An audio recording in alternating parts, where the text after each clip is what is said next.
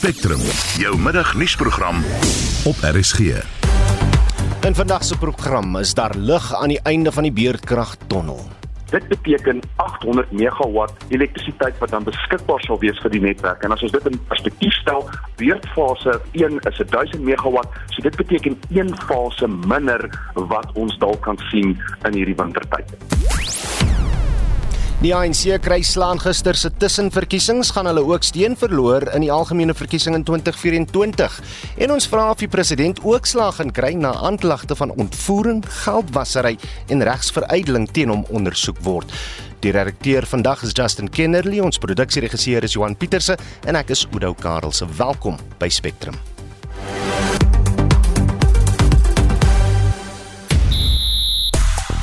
Daar is tekens dat die Suid-Afrikaanse kriketspeler Mondli Khumalo wat in Engeland aangerand is, se toestand verbeter. Mondley starting to kind of fight that sedation, so he's moving his legs, he's tried to open his eyes a couple of times, so his progress is really good, which is good. Die vroue finaliste vir die Franse Ope word vanmiddag besluit en Engeland betree 'n splinternuwe era met vandag se toets teen Nieu-Seeland op Lords. 'n Volledige sportbulletin volg net na 12:30. Op Twitter gons dit oor die voormalige spionbaas Arthur Fraser na hy strafregtelike klagte teen president Cyril Ramaphosa ingedien het. Dan praat mense land en sand oor die sangeres Shakira en die beweringe dat haar lewensmaat Gerard Piqué haar verneek het. Die ANC het 'n loosing gekry tydens gister se tussenverkiesings wat in onder meer Gauteng, KwaZulu-Natal en Mpumalanga in die Noord-Kaap gehou is. Die DA en die EFF het tradisionele wyke voor die ANC se neuse weggeraap. Hy het gister vir ons 'n baie akkurate vooruitskouing gegee. Vandag is hy terug om te ontleed Dr Pieter Mulder. Goeiemôre. Ja, goeiemiddag. Ieder dankie vir die akkuraat. Dit is so maklik altyd nie die syfers kan mens verkeerd wees ook. Maar dankie vir die geleentheid, ja. Maar kyk, jy het gister gesuggereer, maar as jy ooit kon dink dat die dag sou aanbreek waar tydens die ANC sou sukkel om 'n wijk in Soweto te bou. Wel dit is beduidend. Dit is regtig aanduidend van iets wat daar gebeur en ek dink mense kan dit as 'n riglyn vat wat in Gauteng aangaan. Mens kan ongelukkig nie al die provinsies so presies dieselfde tendens kry en dit wissel bietjie daar. En in Polanga byvoorbeeld gister die ANC kleintjie gegroei selfs, jy weet in die Marokko kies afdeling daar, dis dis tussen Bella Bella en Groblersdal het hulle 67% eintlik gegroei na 68 toe met die EFF 14. So daar het nie veel verander nie en teen die ANC bietjie sterker geword, maar al vier die ander het die ANC baie seer gekry en baie stemme verloor uiteindelik. Ja. Wat dink jy is die boodskap wat die kiesers met die uitslae aan die ANC wil oordra of was hulle nou heeltemal klaar gepraat met die ANC? Wel ek dink daar's twee boodskappe breedweg. Die een is hulle is vies en klaar met die ANC. Uiteindelik as ek nou oorkoepelend kan sê, onthou daar was 5 weke gewees, 5 verkiesings en al 5 was ANC weke gewees. Nou na die verkiesing het die ANC net 3 oor. Hulle twee verloor wat verrassend was, die een aan die uh, EFF, dit was in die Wesrand geweest. Hulle het in Johannesburg, Soweto kwai agteruit gevorder en Landley Noord-Kaap en Carnarvon het hulle die DA wyk by die ANC afgeneem wat eintlik so dis 3 teen 2 uiteindelik. Hmm. Maar dit is beslis 'n tendens. Miskien moet ek net een syfer vir jou gee voor jy weet as mens gaan kyk na die ANC en kom ons vat hierdie wyk in Soweto. Dis nou uh, wyk 53 wat reeds verteenwoordig is van Soweto in 2011. En ek vat nou net die plaaslike verkiesing van ek dink dis billik om appels met appels te vergelyk. Hmm. Het die ANC 90% in daai wyk gekry. 5 jaar later 2016 kry hy 67%. 5 jaar later verlede jaar kry hy 58% en gister kry hy net 32%. Hy wen nog die week, hmm. maar hy maak dit net net uiteindelik, jy sien. En ek dink dit is moet bysit die stempersentasie het ook in daai week gedaal. Met ander woorde, in 2016 het 57% van die mense gestem uit 2021 37 en gister net 29 wat beteken daar's al minder wat stem daar duidelike wegbly stem so jy vra die boodskap wat gesê dis 'n boodskap ons is vies vir die ANC maar 'n klomp mense bly weg hmm. maar daar is mense wat oorskakel na ander partye toe soos die uitslaa wys ja Is jy verras deur die DA wat Karreeberg in die Noord-Kaap ingepalem het Ja, dis 'n interessante een, weet jy, dit is altyd moeilik die platland en die plaaslike omgewing, maar dit is 'n groot prestasie as mens gaan kyk waar was hulle gewees en wat hulle reg gekry het, hoeveel steun daar was. Onthou die groot sterk interessante faktor daar was die Karreeberg Civic Movement. Dit is 'n plaaslike een. En ons het gister reeds gepraat hoe belangrik is die plaaslikes. Daar was 'n klomp van hulle in die verkiesing 'n jaar terug. En hierdie geval het die uh, movement heel uitmekaar geval uiteindelik. Waar hy 25% stemme nog laas gehad het, ek dink amper die burgemeester kom van hulle af, kon hy nou net 4% steun kry. So mense moet aanvaar dat sy steun oorgegaan het na die DA toe. En as iets vir die plaaslike omgewing wat klein is wat sê jong ons wil die ANC uithou, want die ANC het vier setels daar uiteindelik kom ons pool saam. Ek weet die hmm. Vryheidsfront het laas 8% gehad. Hulle het hierdie keer nie gestaan nie om strategiese redes en ek glo hulle stem het ook gegaan maar die DA het gegroei na 43% wat indrukwekkend uiteindelik is as mens gaan kyk, was 'n baie hoë stempersentasie. 23% wat wys daar was 'n groot veldtog daar gewees. Die ANC het nie stemme verloor nie, maar die oppositie het saamgekom en verbygegaan in elk geval wat interessant is ja. Mm. Die EFF het ook net die die die die beste munisipale verkiesing gehad nie, maar ek sien hulle het wel uh, die ANC se hou vas in Pokwani munisipaliteit in die Noord-Kaap gebreek. Ja, dis 'n maand terug gewees uiteindelik. Toe hulle in Noordwes het hulle gewen, twee eintlik, hulle het Popani gewen, hulle het ook 'n Mafeking gewen in 'n geval. En uh, die vraag was altyd waar kan hulle wen? Ek het 'n vraag en ek weet mens moet langs versigtig wees vir etnisiteit, maar in Malema doen baie goed in Limpopo, dis waar hy vandaan kom as 'n Peri spreker. Hy doen dit in Noordwes wat 'n Tswana wêreld is in 'n geval, maar nou het hy ook in Soweto goed in Soweto nie in die Wesrand goed gedoen waar hy basies dan nou die uh, ANC gewen het. Hmm. En by een spesifieke uh, stembus het hulle oorweldigend gewen dat lyk hulle daar gekonsentreer. Nou dit is 'n plakkersomgewing, maar dit maak nie saak dit is 'n tendens dat hulle het gegroei van 17% na 55% in daardie Wesrandse omgewing in die ANC gesak en in die setel verloor ja. Wat voorspel al hierdie tussenverkiesings en hulle uitslae vir die ANC se steun in volgende jaar se nasionale of of, of 2024 se algemene verkiesing? Wel ek het nie begin gesê ek is bang om uh, provinsies maklik te vergelyk. Ek sal sê in Gauteng is dit sonder twyfel 'n groot moeilikheid as ek sê hoe die stemme daar gedaal het in elk geval. Die Noord-Kaap is uniek. Die DA het uh, nie werklik gegroei in die in die swart gebiede as die woord sou mag gebruik in Gauteng nie, maar hy het baie goed gegroei so in Noord-Kaap en dit kan 'n tendens in daardie wêreld wees. Ek moet KwaZulu-Natal noem want hy's altyd die onbekende een en nou hierdie verkiesing daar was in Botti geweest waar die ANC dit behou het, maar dit net net die ANC het die IFP het baie goed gevaar. Dis noord van Durban, so dit is die hele kwai eh, tradisionele gebied. So dit is 'n vraag. Hoe lyk Natal? Want hy kan 'n faktor wees na die kant of daai kant toe. So mens moet versigtig wees om die provinsies maklik te vergelyk. Ons het net 5 verkiesings gehad in 4 provinsies. Maar die breë lyn is die ANC word van alle kante beklei. Met ander woorde, word stemme weggevat aan hierdie kant en van die ander kant. En hy sukkel in die middel om te behou wat hy het daarso en of hy met 'n veldtog in 2024 te gaan red is 'n groot vraag in elk geval so ons het nie ander provinsies uitslaan nie maar hierdie gee vir ons baie duidelike ek sê behalwe in Belanga waar dit klein bietjie gegroei het ja En dit was politieke ontleder Dr Pieter Mulder. Die polisie het bevestig dat die voormalige direkteur-generaal van staatsveiligheid Arthur Fraser 'n misdaadklag teen president Cyril Ramaphosa gelê het.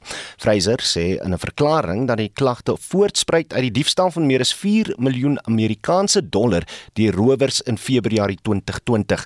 Die rooftog is na bewering met die samewerking van 'n huishulp by Ramaphosa se plaas Palapala in die Waterberg in Limpopo gepleeg. Fraser Fraser beweer dat Ramaphosa by verskeie misdade soos ontvoering en regsveruideling betrek word. Spectrum met Fraser en sy prokureur Erik Mabuza vir kommentaar genader, maar sonder enige welslaa. Fraser laat blyk nie in sy verklaring of hy die klag teen Ramaphosa aan sy hoedanigheid as die voormalige direkteur-generaal van staatsveiligheid of as 'n lid van die publiek gelê het nie. Maar professor Koos Malan in die departement publieke reg aan die Universiteit van Pretoria sê dit maak geen verskil nie. Die klag moet ernstig opgeneem word. Uh, vanuit 'n juridiese oogpunt in die eerste plek, maar meer bepaald vanuit 'n politieke oogpunt. Want waarmee ons hier te doen het, is iets wat as dit ware geanker is te midde van die enorme politieke stryd wat homself op hierdie stadium afspeel tussen die Ramaphosa faksie aan die een kant en die Zuma faksie aan die ander kant. Die situasie word vererger vanweë die feit dat mense wat op die oomblik in die gedrang is, soos meneer Freyser, loop die gevaar dat hy 'n vervolging moontlik in die gesig kan staar, juis vanweë getuienis wat onder andere gelewer is tydens die Zondo kommissie se ondersoek wat homself by kriminele optrede impliseer. Malan sê daar bestaan geen sekerheid oor die substansie van die klag voordat dit nie deur die polisie ondersoek is nie. Hy maak natuurlik van hom self, dit is nou meneer Freyser die hoofgetuie in sodanige aangeleentheid. Hy is die persoon wat oor al die inligting beskik en hy moet uit die aard van die saak ook wys wie al die getuies is en daardie getuienis laat produseer deur sodanige getuienis ten einde 'n vervolging aanhangig te maak. Die verklaring wat uitgereik is deur meneer Freyser dui daarop dat hy inderdaad oor inligting beskik, dat hy inderdaad oor die getuies en die getuienis beskik om sodanige klag teen die president te substansieer. Hy het aangedui in sy verklaring dat hy volledige aanhangsels bylaas aangeheg het wat onder andere verwys na getuies wat getuienis kan lewer. Hy sê die onus sal swaar op die vervolgingsgesag rus om vervolging teen Ramaphosa in te stel indien die nodige bewyse gelewer kan word. Ons weet dat die vervolgingsgesag op hierdie stadium uit sy pad uitgaan en dit behoort ook so te wees om 'n vervolging teen meneer Zuma in te stel. Maar as die vervolgingsgesag nou gesien word as sou hy energiek met die vervolging teen Zuma voortgaan, maar hy sleep voete of is traag om dieselfde energie in die dag te lê met betrekking tot 'n klag teen Ramaphosa, dan gaan daar na alle waarskynlikheid met oortuiging 'n argument uitgemaak kan word dat die vervolgingsgesag inderdaad nie die nodige politieke onpartydigheid in die dag lê wat hierdie instelling aan die dag behoort te lê nie. Fraser sê in sy verklaring hy hoop die polisie sal die saak sonder enige vooroordeele ondersoek en dat Ramaphosa ook op die aanklagte sal reageer. Ek is Estie de Klerk vir SAK nuus. Kom ons bly by die storie en praat nou met 'n politieke ontleder verbonde aan Unisa professor Johansi van Wyk. 'n Middag Johansi. Goeiemôre Oudo. Ons begin net met jou mening oor die aanklag. Ja, Oudo, ek dink dit is 'n baie ernstige verwikkeling wat ons nou hier beleef. En soos wat professor Malang nou inderdaad gesê het is dat dit met die nodige aandag kry um, omdat dit so 'n uh, uh, uh, uh, aanklag is dan nou wat gemaak word. Maar dit moet natuurlik ondersoek word. Dat die dokumentasie wys dat Freyser Wieles waar dan nou sê hy beskik oor inligting ook dan nou by die gebeure by Ramaphosa se plaas in Februarie 2020 mens kan natuurlik nou baie vrae vra en ons weet dat uh, Freyser self is nie lelieblank nie dat hy het onder meer um, is van die eerste persone wat byvoorbeeld genoem is in die aanloop tot die staatskapingsverslag. In die president keepers boek van Jacques Pau byvoorbeeld is daar dan het toe al gesê dat hy byvoorbeeld hierdie spesifieke netwerk geskep het binne staatsveiligheid wat dan 'n tipe van 'n parallelle inligtingdiens was wat wat nou ehm um, geloop het en dan nou basies ten gunste van die Zuma administrasie um, inligting ingewin het. So dit is nou 'n skaakmat posisie waarin ons bevind is dat in die agtergrond Zuma en en uh, Ramaphosa dan nou te sprake maar die troef is natuurlik nou ook wat gaan ehm um, Arthur Fraser met al die inligting maak. Hy sy kontrak by korrektiewe dienste is natuurlik nou nie hernie nie. Mense kan ook vra maar hoekom kom hy nou eers na vore hmm. met hierdie inligting? Dit is natuurlik nou ook net voor die beleidskonferensie van die ANC. Die president was nou pas in die buiteland, hy's nou terug en die die verkiesingskommissie in uh, uh, uh, uh, konferensie in, in Desember lê voor. Ons weet ook dat die president het ehm um, wat ek kon optel nog geen um, reaksie 'n verklaring uitgereik oor hierdie ehm um, ehm um, aantuigings en die klag nie. Ehm um, ons weet dat hy gister het 'n uh, nuwe ehm um, woordvoerder by hom begin wat net gisteraand gesê dat die president was in 'n kabinetsvergadering waar hierdie ehm um, hierdie ehm um, klag daar dan nou um, ter sprake gekom het, maar die toets is nou is hoe gaan die vervolgingsgesag, die polisie wat ons ook weet in 'n geweldige warboel is, hoe gaan hulle hierdie saak hanteer en dan in die agtergrond ook natuurlik die posisie van die openbare beskermer wat ons weet al hierdie is politieke sensitiewe goed hmm. wat natuurlik ook binne die raamwerk van die grondwet moet moet opgelos word. As ons kyk na die tydsberekening, die aanklag volg, uh, volg kort op die hakke van Zuma se appel aansoek oor sy mediese parol wat deur Vryse toegestaan is. Wat is jou mening daaroor? Is daar enige moontlikheid dat hulle miskien hierdie twee iets in die mou voer? Ja, inderdaad. Kyk, ons moet ons moet onthou dat hierdie is gesoute mense wat die politieke en die intelligensie omgewing ken. Hulle weet dit uh, byvoorbeeld deur die uh, Zuma tyd en die Zondo-kommissie het natuurlik bevestig, het natuurlik die omvang van hierdie ehm um, misbruik van staatsgeld en staatsinstellings en staatsregte en voorregte wat dan nog gebruik is om om 'n bepaalde sitog politieke ehm um, doel te te, te kan dien. So ja, ehm um, as jy mens kyk na hierdie bewegings is Vryse definitief in die in die Zuma faksie as jy mens dit so kan sien maar ons moet ook onthou dat daar 'n soort van subfaksies besig is om te ontwikkel. En natuurlik dat Zuma gaan hierdie saak uittrek sover as hy kan. Um, hy en Vryse het definitief 'n noue werksverhouding gehad. Um, en natuurlik mense rondom Zuma wat hulle natuurlik nou inligting bymekaar kon maak. Maar ja die tydsberekening is so dat die president um, is nou regtig um, in hy het in sy knieë geskiet en hy sal nou moet reageer, maar hy sal ook moet bewys dat hy nie gaan inmeng met die regsproses nie. En ons sien net dat Zuma en sy ehm um, ehm um, um, faksie gaan dan ook geen steen onge ehm um, roer laat om dan nou ook hulle saak te kan bevorder. Ja, en ons weet dan nou, ek sê toe. Ek wil nou net vra ons ons moet tog toegee dat dit eintlik 'n uh, 'n politieke meesterstap is wat, wat wat hulle nou gedoen het want ons staan op 'n tydstip waar die nasionale vervolgingsgesag onder soveel druk is om hulle werk te doen dat hulle nie kan versuim of of gesien word om, om op dat hulle versuim om hulle werk in hierdie uh, opsig te doen nie. Ja, natuurlik. En dan ook dan nou as die president voorkeurbehandeling kry dat sy saak dan nou na vore gebring word op watter ondersoekrol dit nou ook al is, gaan ons natuurlik ook vra daaroor uh, middag.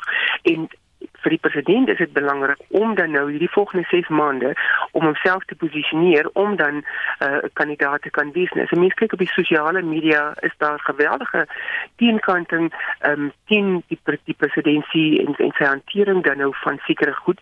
En daar is natuurlik ook dan nou wat mense kan agterkom dat daar tog sterk ondersteuning steeds vir president ou president um, Zuma is en dat hy soos 'n regtige gesoute poppekasmeester het het die die aanstellings wat hy gemaak het en die mense wat hy rondom hom geposisioneer het is nou die die versekeringspolisse wat nou vir hom begin uitbetaal.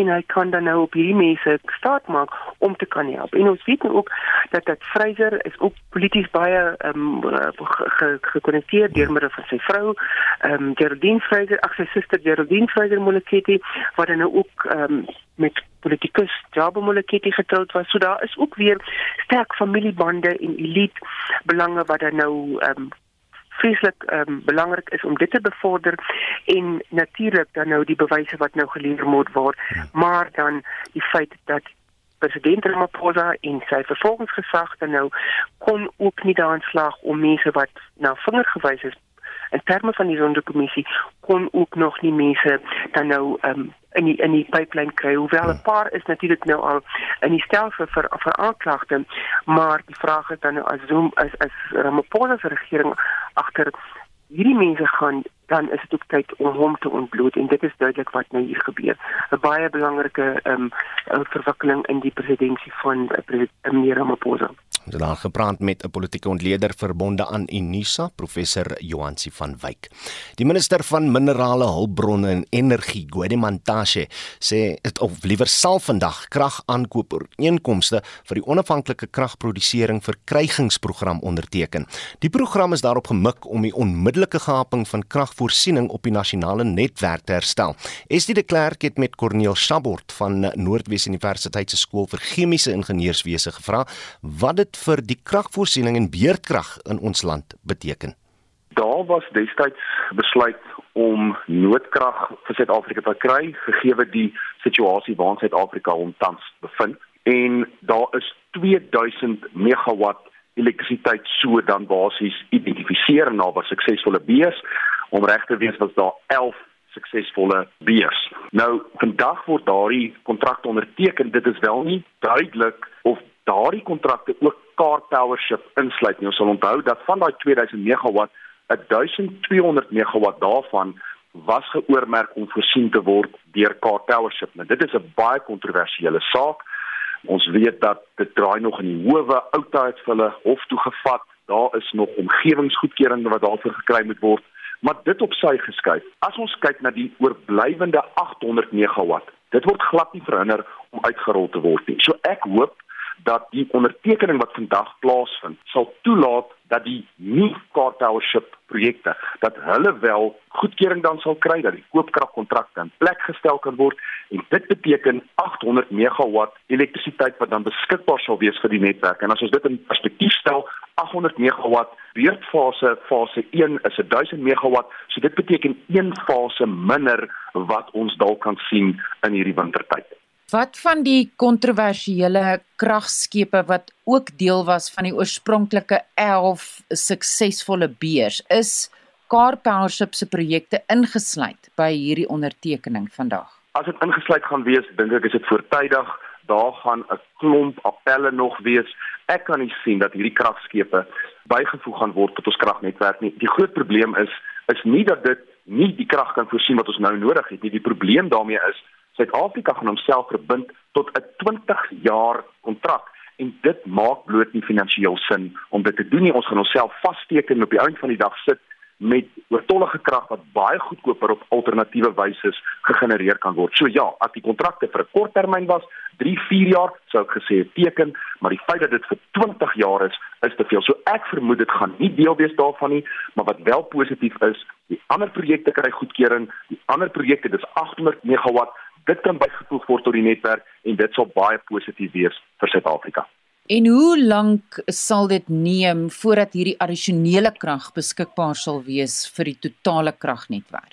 Die goeie nuus is dat baie van hierdie projekte is gekoppel aan hernubare krag. Met ander woorde, ons praat nie van jare nie, ons praat van maande. Inteendeel, dit was deel van die ooreenkoms dat hierdie voorsieners moes krag op 'n baie kort tydperk kon koppel aan die netwerk. So, ek spreek positief dat hierdie binne die volgende paar maande, daar sou wees ongelukkig gaan dit nie 'n verskil maak vir beurtkrag in hierdie winter nie. Ons moet ook onthou dat al kom daar krag nou by, dit beteken wel ook ons sit in die wintermaande, ons sit met verhoogde verbruik en dit is ongelukkig bietjie slegte nuus. Wat ons wel dalk net ook kan noem, as ons kyk na die totale netwerk, daar's goeie nuus wat ons ook gekry het, naamlik dat Kusile het een addisionele eenheid nou ten volle aanlyn gebring. Dit is ook 800 megawatt.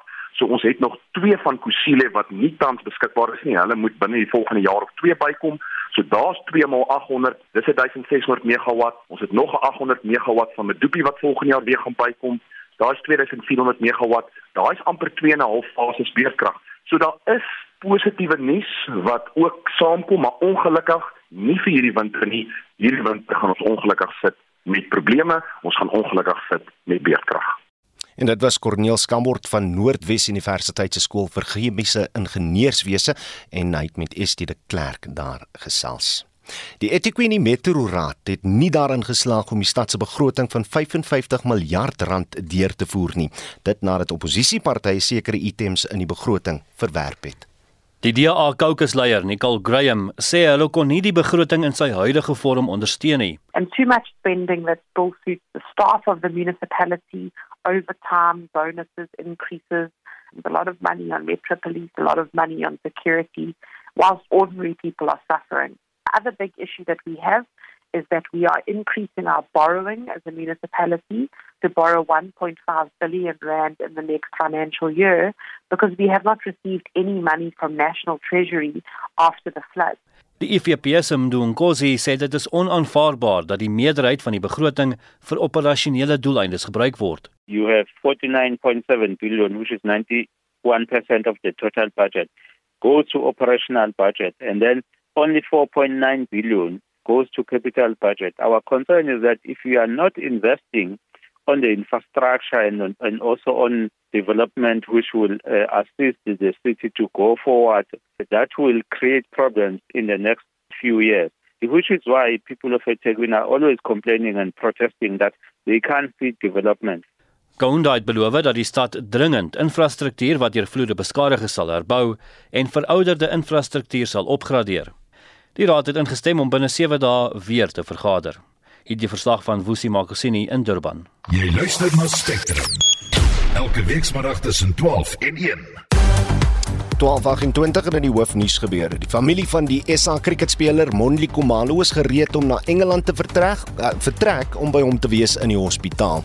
En die kantoor van die ombud vir regsdienste word bekend gestel.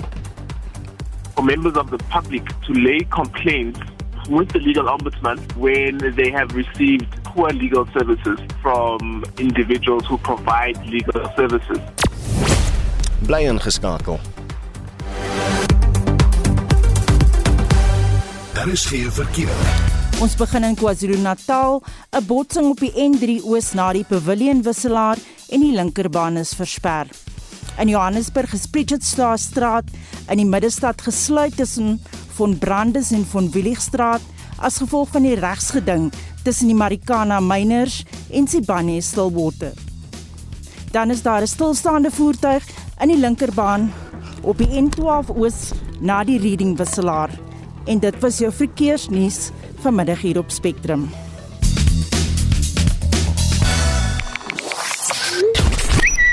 Meer as 20000 tweets is al gestuur oor die Senzo Mejia trial dit nadat die verdediging plofbare onthullings gemaak het. Ons bring jou 'n bietjie later op hoogte van die saak. Ramaphosa must go kry ook heelwat aandag waar president Cyril Ramaphosa se kop om verskeie redes geëis word.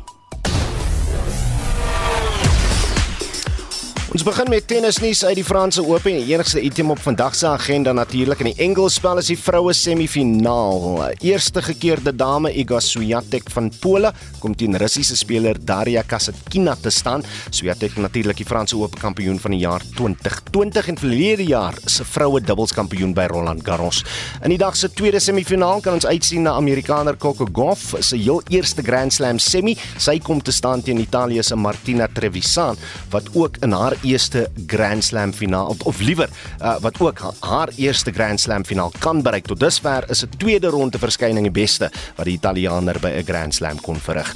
Die aksie begin van 3 uur vanmiddag. Suid-Afrika het nog 3 spanne wat moontlik die semifinaal van die Verenigde Rugby Kampioenskap kan bereik. Die uh, kwartfinale skop môre aand af wanneer Ulster teen uh, tuis speel teen Munster. Saterdag is die Bulle tuis teen die Sharks met die wedstryd net voor 2. Uh, uh, ja, hy begin net voor 2. Dan Dan eh, speel Leinster teen Glasgow Warriors net na 4 terwyl die laaste kragmeting die Stormers op hul tuisveld teen Edinburgh te staan bring. Kaartjieverkope vir die uh, twee Suid-Afrikaanse wedstryde loop blykbaar vlot, maar uh, so Stormers breier John Dobson die week aan die media gesê het, ons moet begin om die siklus te breek waar mense liewer tuis bly en kyk op die televisie of gaan fietsry en inkopies doen. So kom ons doen hom nou trots en uh, maak Kaapstad Stadion en Loftus vo, uh, Versveld vol die naweek binne die COVID-19 inperking beperkingsreëls natuurlik.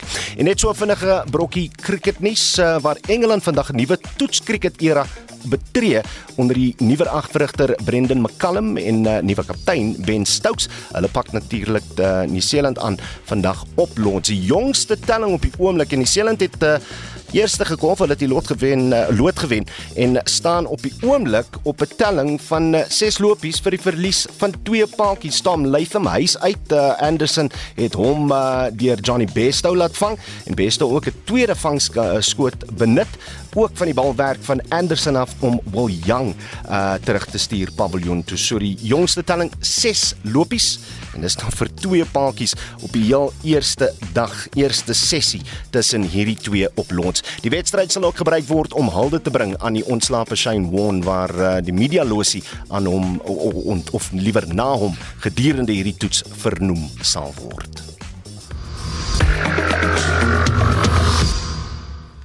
Die familie van SA kriketspeler Mondli uh, Kumalo wag nog om te hoor wanneer hulle sal kan vlieg om by hul siek kind te wees. Kumalo, die oorseese professioneel by die klub Noord Petherton, moes nou al 3 noodoperasies ondergaan en verkeer steeds in 'n koma nadat hy Sondag oggend buite 'n kroeg aangerand is terwyl hy en spanmaats 'n goeie uitslag op die veld gaan vier het. Ons praat nou met die oom van die man wat hulle noem die Umlazi Express. Uh Sakelepi Kumalo joins us on the line. Sakelepi, good afternoon. Um, good afternoon. How are you? I'm I'm very well, but I just want to check and, and see how the family is holding up after the incident. Um, yeah, we're trying, but we're trying a lot. Um, it's very hard, indeed. I don't want to lie. And for the past four days, everyone has been uh, very weak, and yeah, they've been trying their best uh, to to get back on track. Um, but the only way to, to get back on track is to hear more and more positive news on Monday, um, of which uh, from yesterday everyone has uh, has been coping well. Yeah, since we, we've got some great news. And uh, we, we, we're really grateful for, for what the doctors are doing that side. And we, we really appreciate what they're doing because it, it means a lot to us. It means that uh, Monday is in good hands and we shall hope for, for more great news. Zaka, just to, yeah. to, to bring people up to speed here, we got a, an update from the agent this morning as well.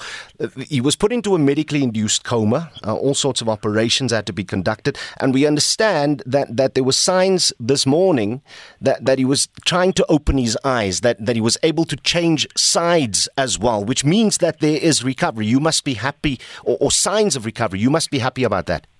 Yes, yes, yes. Uh, to be honest with you, we're really happy. And um, to also see some smile on Mondi's mom after those news, it was really something that uh, we should we should smile on and be hoping that God will give us more great news. And yeah, it's amazing. It's amazing. It's like it's uh, it's like a miracle to us. Um, yeah, we're really hoping for more.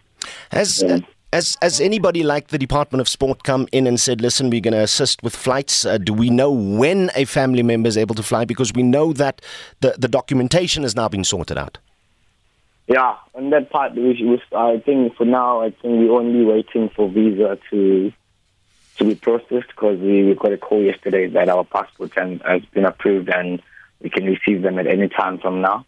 Um, the visa part uh, is still it's the part that we we actually don't have much details on. Mm. So we we're just hoping to get a call today or tomorrow to hear what is the latest on, on the visas. But yeah, everyone has been um, on call, trying to do anything that uh, they can do to, to help us to get that side. So, yeah, we, we found some help um, thanks to, to Cricket SA and KZN Inland, the CEO of KZN Inland, uh, Mr. Jason, and also the CEO of Dolphins Cricket, mm. Mr. Stringham. We really appreciate uh, their efforts, what they did for us. Uh, we'll remember it for the rest for the rest of our lives. So we, we're really grateful to, to all the gentlemen who who were there to put out a hand, and to everyone who's trying their best to, to, to make this uh, a success for us. If I may, yeah. it's a difficult one, uh, given the circumstances that put your your nephew in hospital. Is there, mm-hmm. as the family sits and discusses this, an issue of we want justice done, or is the priority just we want to get to our boy? Yeah, we, we, we really talked a lot about that part, but um, as a family, we decided not to intervene because that will be police business or all our focus right now is, is on Mondi to recover. Uh, justice is something we can fight maybe in another day or another year. So we're not worried about that for now. We're only worried about his health and for him to, to get back into action again. Thank you very much for your time, uh, Sakelepi Kumalu there. En dat was die oom van die Suid-Afrikaanse kriketspeler Mondli Kumalu. Die opspraakwekkende Senzomiwa moordverhoor is vandag in die Hooggeregshof in Pretoria voortgesit. Ons verslaggewer Pumzile Mlangeni hou die verrigtinge vir ons dop en ons praat nou met haar. Pumzile, good afternoon. Afternoon, Udo. Let's just take uh, our listeners back to yesterday's bombshell, the defense's bombshell that Kelly Kumalu allegedly pulled the trigger. Tell us more. Well, yes, definitely. That is advocate, therefore, the defense counsel for accused number one to four. And uh, basically he's saying that he will bring a witness, and not just any witness. This will be a an eyewitness, meaning that it's someone who was there when the trigger was pulled. So he's basically saying that this witness will come to testify that Kelly Kumalo um, shot Senzo Mayua by mistake. It was not her intention, and that actually the, the firearm that was used is not a nine millimeter but a revolver. In the state case, they say that. Um, a nine millimeter was used uh, to, to, to shoot the soccer star. And basically advocate therefore saying that he does not want to divulge the name of the witness, uh, but as the case progresses, he will come out to bring this witness because right now he's been saying that, you know, some of the witnesses are being intimidated and they feel threatened and he feels that their security will be at risk. Until that witness takes the stand and we know the identity of the witness, I suppose we can only assume that uh, it, it, it, would have had to be somebody who was in the house. But the defense also leapt to uh, claims that the murderer could be anyone who was in the house that fateful night. Exactly, exactly. I mean, there were seven people in the house that night, and nobody knows what happened. Uh, it's just the police trying to connect the dots with the firearm that they found from accused number three, and they linked it to some of the bullets that were found on the scene. But it could have been anyone, and they did mention that there was no eyewitness. Uh, you know, amongst the police, and for them to point out that you know the gun belongs to that, and uh, because they say there was a robbery, there was a scuffle, mm and they're trying to prove that you know the crime scene was staged, saying that they're trying to conceal some evidence and protect some people that were in the house on that fateful night. Anything to declare on today's proceedings? Well, today's proceedings started at half past 11, uh, and, you know, as we were going through that, it was Advocate Mshalolo for accused number five who's trying uh, to uh, uh, who's trying to rebut uh, um, Musia's case and just to say that he wasn't a competent forensic uh, investigator uh, and to say that you know some of the pictures that he took when he arrived at the scene he only took eight pictures on that night and left and only came back hours later so she's saying that the scene could have been easily compromised by that. And again also Musia conceding that you know uh, he only took pictures where he was pointed out to by Brigadier Pilani Ndlovu who suddenly passed last month. And uh, advocate Michelle saying that he possibly could have shown you what he wanted you to see.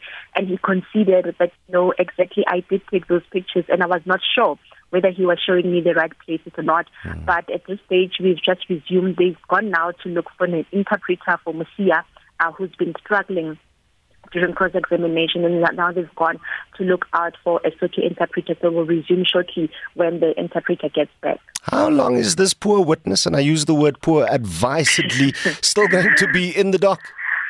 Well, I think it's going to two weeks now. Uh, he's been on the dock for the longest time as the first state witness, which you know might be an indication of how long this matter might drag. Uh, but we expect that probably by tomorrow he might be done as Advocate Mshalolo will be the last person uh, to cross-examine him before the state re-examines him. So if all goes well tomorrow, if not, then clearly he will still uh, take time on the stand. Any idea who's next? Well, we are not sure at the state as the list. The state is also not uh, divulging the, the, its witness list, but we understand it's more than 100 witnesses on the list. We don't know how many will come, uh, but we do know that you know first on their list were the police. So there's a forensic expert, there's a DNA expert, ballistic expert. They did mention that they will testify in that sequence, but we don't know who they will bring next. So we'll have to wait until Musia uh, completes his cross-examination. En dit was ons verslaggewer by die Hooggeregshof in Pretoria, Pumzile Mlangeni. Die minister van Justisie en Korrektiewe Dienste, Ronald Lamola, het vanoggend die kantoor van die Ombud vir Regsdienste bekend gestel. Dit sal aan Suid-Afrikaners 'n platform bied om klagte te lê teen regspraktisyns en om onetiese gedrag in die regspraktyk aan te meld. Afgetrede regter Siraj Desai staan aan die hoof van die kantoor en is reeds in Desember 2020 aan die amp aangestel. Estie de Klerk het meer besonderhede.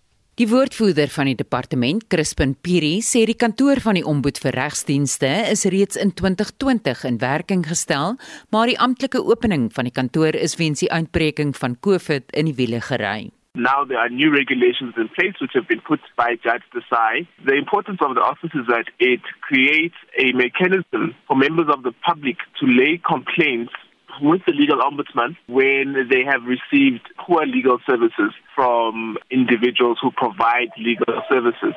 Kantore van die Ombud is in Pretoria en Kaapstad geleë, maar die e-posadres is beskikbaar waar klagte ingedien kan word. Spesifieke protokol moet gevolg word, sê Perry. The due process would be first to lay a complaint at the Legal Practice Council, which is a body that regulates legal professionals. They would then process your complaint and then give you a finding on what they believe should be the appropriate remedy. If you are unsatisfied with that, you can then approach Judge Desai's office, the legal ombuds. Dit was die woordvoerder van die Departement van Justisie en Korrektiewe Dienste, Crispin Piri. Ek is Estie de Klerk vir SAK nuus. Geweld en gewapende militante groep eis te uh, groepe eis steeds 'n tol van burgerlikes in verskeie gebiede in die ooste van die uh, Demokratiese Republiek Kongo. So het 'n senior amptenaar van die Verenigde Nasies aan die Veiligheidsraad van die liggaam gesê na die rebellegroep M23 sy stryd hervat het. M23 voer 'n stryd teen die Kongolese weermag, die FARDC en die MONUSCO Vredesmag.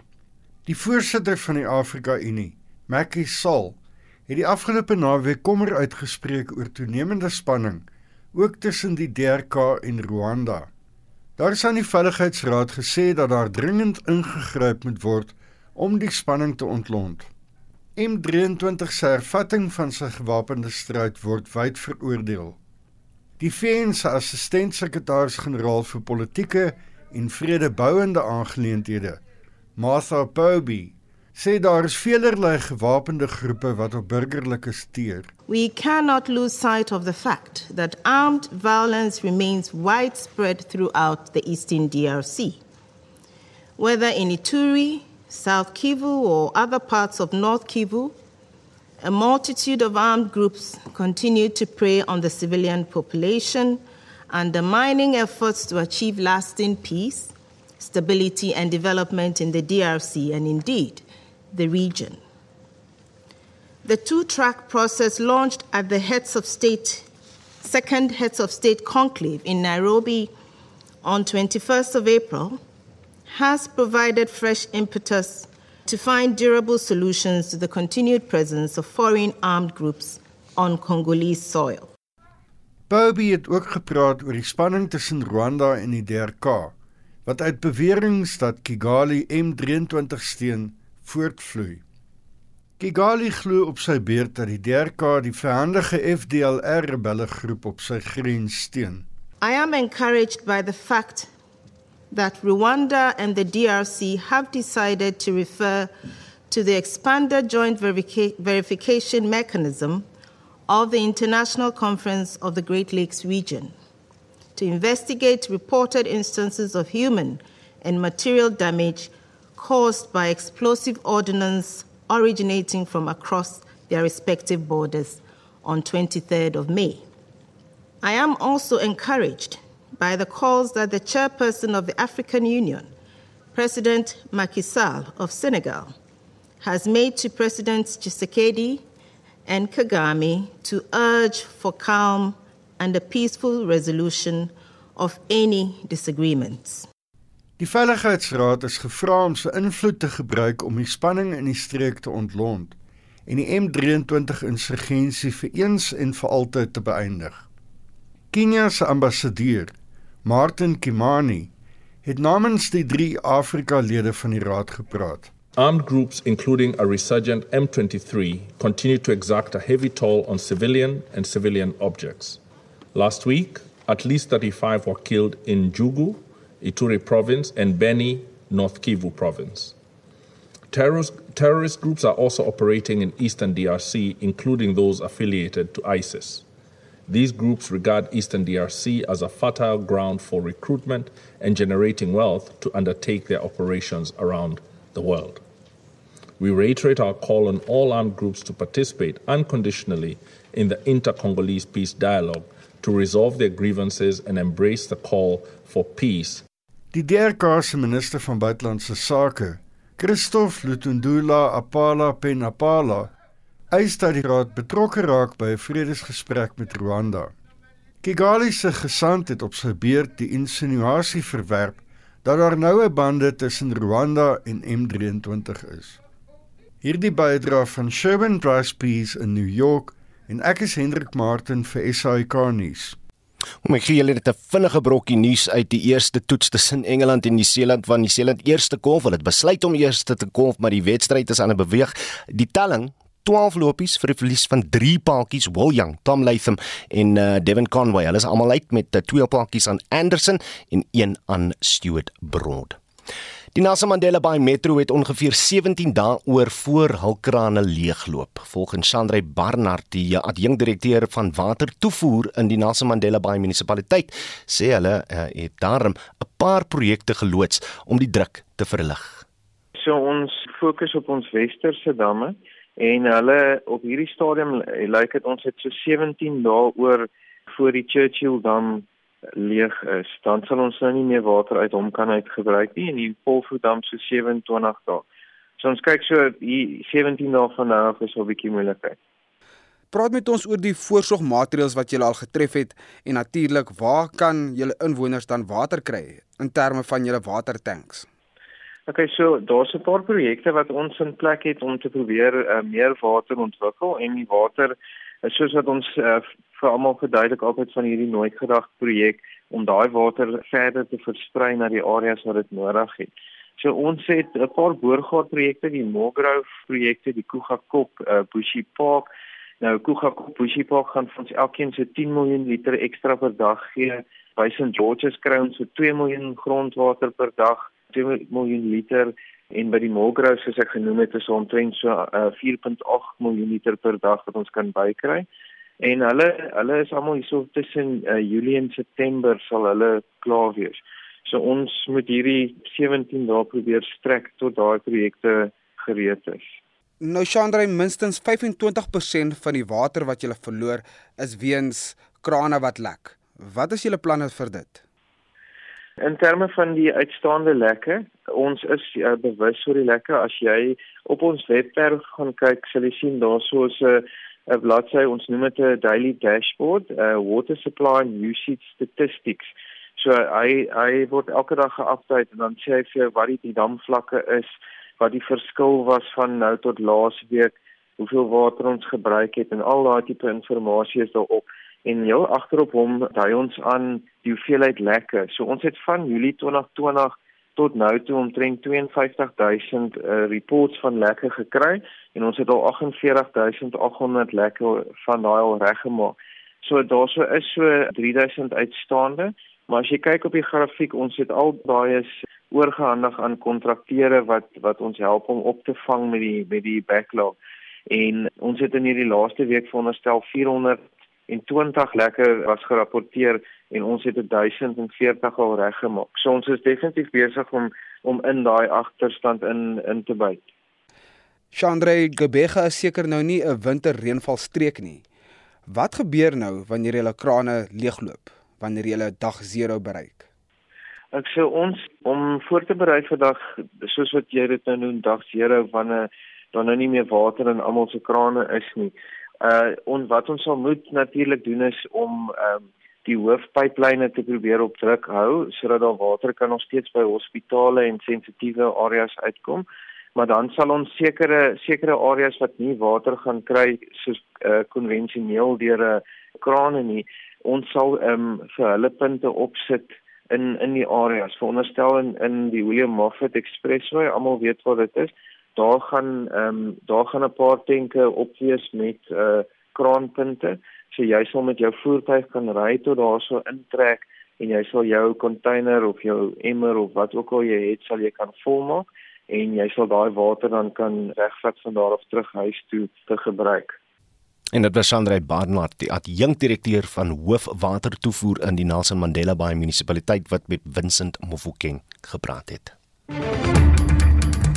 Die sake nuus word aangebied deur Chris Weemeyer, portefeuljebestuurder by PSG Wealth Pretoria Oos. Goeiemôre Chris. Goeiemôre Oudo. Vandag sien ons op die mark veral kommoditeitsaandele wat goed vertoon met uh, die koperprys vandag 3% hoër, platinum 5% hoër en die algehele indeks tans 0,6% sterker op 71256. Die nywerheidsindeks tans onveranderd en finansiële indeks tans so 0,6% laer en hulpbronne tans 2.5% sterker. So 'n goeie dag uh, met veral die swaargewig myners wat goed doen. Impala Platinum vandag 4,3% sterker, Northern Platinum 4,4% hoër en dan uh, PHP Group vandag 3,4% hoër. Ons sien ook Sasol 3% sterker, Glencore 2,7% sterker en Anglo American 1,8% hoër. So goeiedag met die uh, swaargewig myners. Finansiële aandele nou nie so goed vandag nie. Ons het 'n goeie loop hierdie laaste tyd in die in die finansiële aandele gehad. Die banke vandag onder druk, Standard Bank 0,4% laer, uh First Rand 0,5% swakker en dan Nedbank uh, wat gister baie sterk loop gehad het, 'n kwart van 'n persent swakker en dan die uh Absa ook 'n kwart van 'n persent swakker. Martin Europa vandag uh maar stillerig. In Londen is die FTSE gesluit. Uh maar in Frankfurt is die DAX nou 0,7% hoër. In Parys die CAC nou 'n persent sterker. Die rand 'n bietjie versterk oornag met uh, hierdie sterk hulpbronpryse uh, teenoor die dollar nou R15.52 'n euro kos jy nou R16.60 en 'n pond R19.47 goudprys uh, 1% hoër op 1856 dollar per fyn ons platinum uh verhandel nou 4,8% hoër op 1008 dollar per ons en die Brent olieprys ook laer as gevolg van uh, die Arabiere wat net gesê het dat hulle moontlik produksie sal ver, verhoog en Opel gaan vergader daaroor uh Brent tans 3% uh laer op 113 dollar 22 per vat. Dis al van my kant af vandag Oudo baie dankie. Dankie Chris. Chris Weermeyer, 'n portefeuljebestuurder by PSG Wealth Pretoria Oos. Wetenskaplikes het die wêreld se grootste plant ontdek aan die Australiese Weskus. Dis 'n seegrasplant wat in die afgelope 4500 jaar 'n oppervlak van 200 vierkante kilometer op die seebodem bedek het. Dit beslaan so losweg dieselfde oppervlak as 20000 rugbyvelde. Die bevinding is gemaak nadat genetiese toetse op die plant uitgevoer is. Estie hier is 'n ontwikkelende stories vir ons dopgehou middag Estie. Hallo Udo, die ANC het pak slag gekry met die DA en die EFF wat tradisionele wyke in gister se tussenverkiesings in onder meer Gauteng, KwaZulu-Natal en Mpumalanga ingepalle het. En die politieke ontleder Dr Pieter Mulder sê die kiesers het hier gepraat. Wel ek dink daar's twee boodskappe breedweg. Die een is hulle is vies en klaar met die ANC. Daar daar was vyf verkiesings en al vyf was ANC wyke geweest. Na die verkiesing het die ANC net 3 oor. Hulle twee verloor. Wat verrassend was, die een aan die EFF, dit was in die Wesrand geweest. Hulle het in Johannesburg, Soweto kwai agteruit gevorder en Landley Noord-Kaap en Karnaval net hulle die DA by die ANC afgeneem wat en ek so dit 3 teen 2 uiteindelik. Dit is beslis 'n tendens. Die voormalige direkteur-generaal van Staatsveiligheid Arthur Fraser het 'n misdaadklag teen president Cyril Ramaphosa gelê wat voortspruit uit die diefstal van meer as 4 miljoen Amerikaanse dollar by sy plaas in Limpopo in 2020. Professor Koos Malan van die Universiteit van Pretoria sê daar is 'n swaar las wat op die vervolgingsgesag rus ons weet dat die vervolgingsgesag op hierdie stadium uit sy pad uitgaan om 'n vervolging teen meneer Zuma in te stel. Maar as die vervolgingsgesag nou gesien word as sou hy energiek met die vervolging teen Zuma voortgaan, maar hy sleep voete of is traag om dieselfde energie in die dag te lê met betrekking tot 'n klag teen Ramaphosa, dan gaan daar na alle waarskynlikheid met oortuiging 'n argument uitgemaak kan word dat die vervolgingsgesag inderdaad nie die nodige politieke onpartydigheid in die dag lê wat hierdie instelling in die dag behoort te lê nie. Skakel skakel ook in verbrandpunt om kwart voor 6 vir meer oor Fraser se rol in die politiek en sy loopbaan. En die minister van Justisie en Korrektiewe Dienste, Ronald Lamola, het vanoggend die kantoor van die Ombud vir Regsdienste amptelik bekend gestel. Hoewel afgetrede regter Siraj Desai reeds in Desember 2020 as die Ombud aangewys is, het COVID die opening van die kantoor tot nou toe vertraag. En die minister van Minerale Hulpbronne en Energie, Gwedi Mantashe, onderteken vandag kragaankoop ooreenkomste vir die onafhanklike kragproduseringsverkrygingsprogram. Nou die program is daarop gemik om die onmiddellike gaping van kragvoorsiening op die nasionale netwerk te herstel. Corneel Skabort van Noordwes Universiteit se skool vir chemiese ingenieurswese sê dis goeie nuus.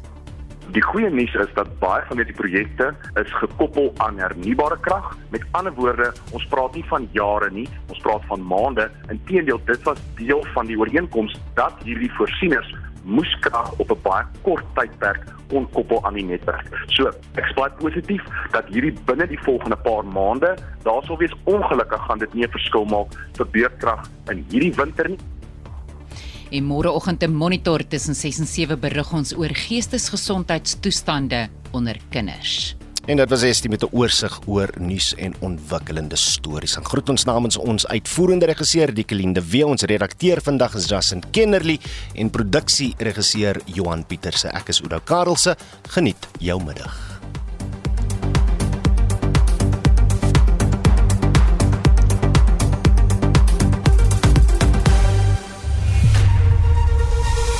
SAK nuus. Onafhanklik, onpartydig.